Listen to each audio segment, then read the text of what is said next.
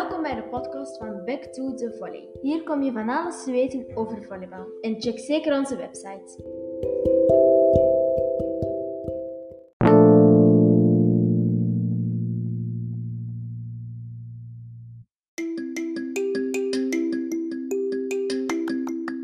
Kom, we vertrekken naar de Lotto Arena voor de volleybalwedstrijd. Wat? Hebben we de lotto gewonnen? Nee, we gaan naar de bekerfinale in de Lotto Arena tegen Duitsland. Maar we volgen doen toch nooit volleybal? Nee, maar ik heb een goedkope plek gevonden. Voor maar liefst 29 euro. Oeh, zo goedkoop. Kom, we springen meteen in de auto. Ga nu maar voor liefst 29,99 euro naar de bekerfinale tussen België en Duitsland.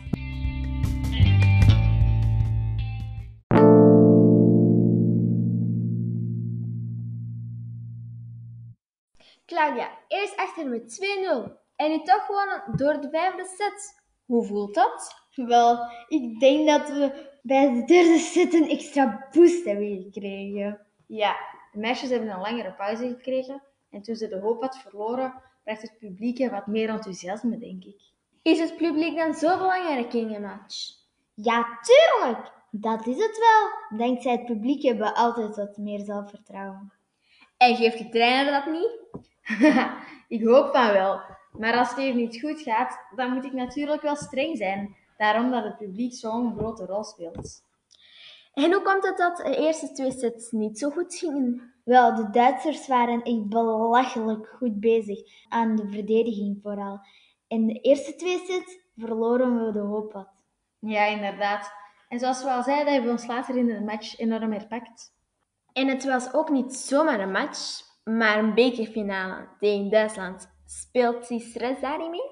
Ja, stress zou ik het eerder niet noemen. Eerder spanning. Maar die spanning is er wel altijd wel bij elke match.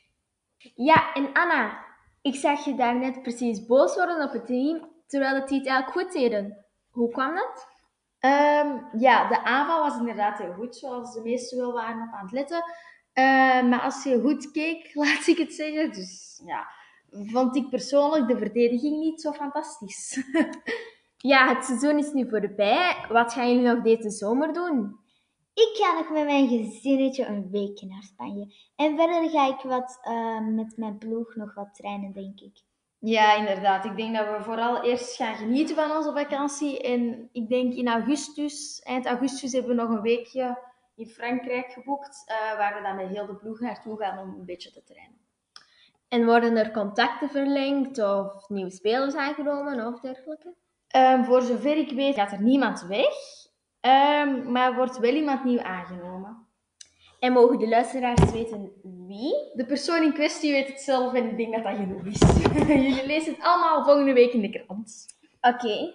En volgend jaar zijn er Olympische Spelen. Hoe gaan jullie jullie daarop voorbereiden? We gaan tussendoor nog wat matchen spelen.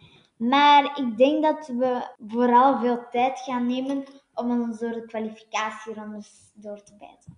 En Claudia, een zeer persoonlijke vraag.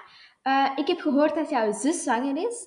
Ga je daardoor meer tijd doorbrengen met haar of evenveel of eh, meer aan de ploeg juist? Of- Ik denk het wel. Maar ik ga natuurlijk ook nog wat, nog, nog, nog wat trainen. Omdat het volgend jaar Olympische Spelen zijn, zou ik goed moeten plannen om mijn zus nog eens te bezoeken. Hoeveel weken is ze al zwanger?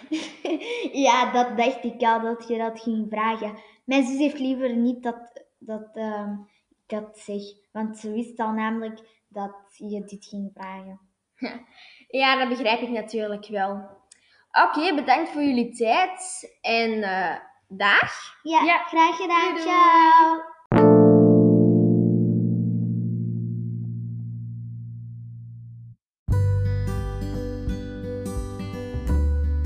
Een ploeg van 18 topsporters met één droom, één passie: wereldkampioen worden. Hou jij ook van volleybal en heb jij ook zo'n droom? Schrijf je daar nu in op www.morselvc.be. Samen zijn we.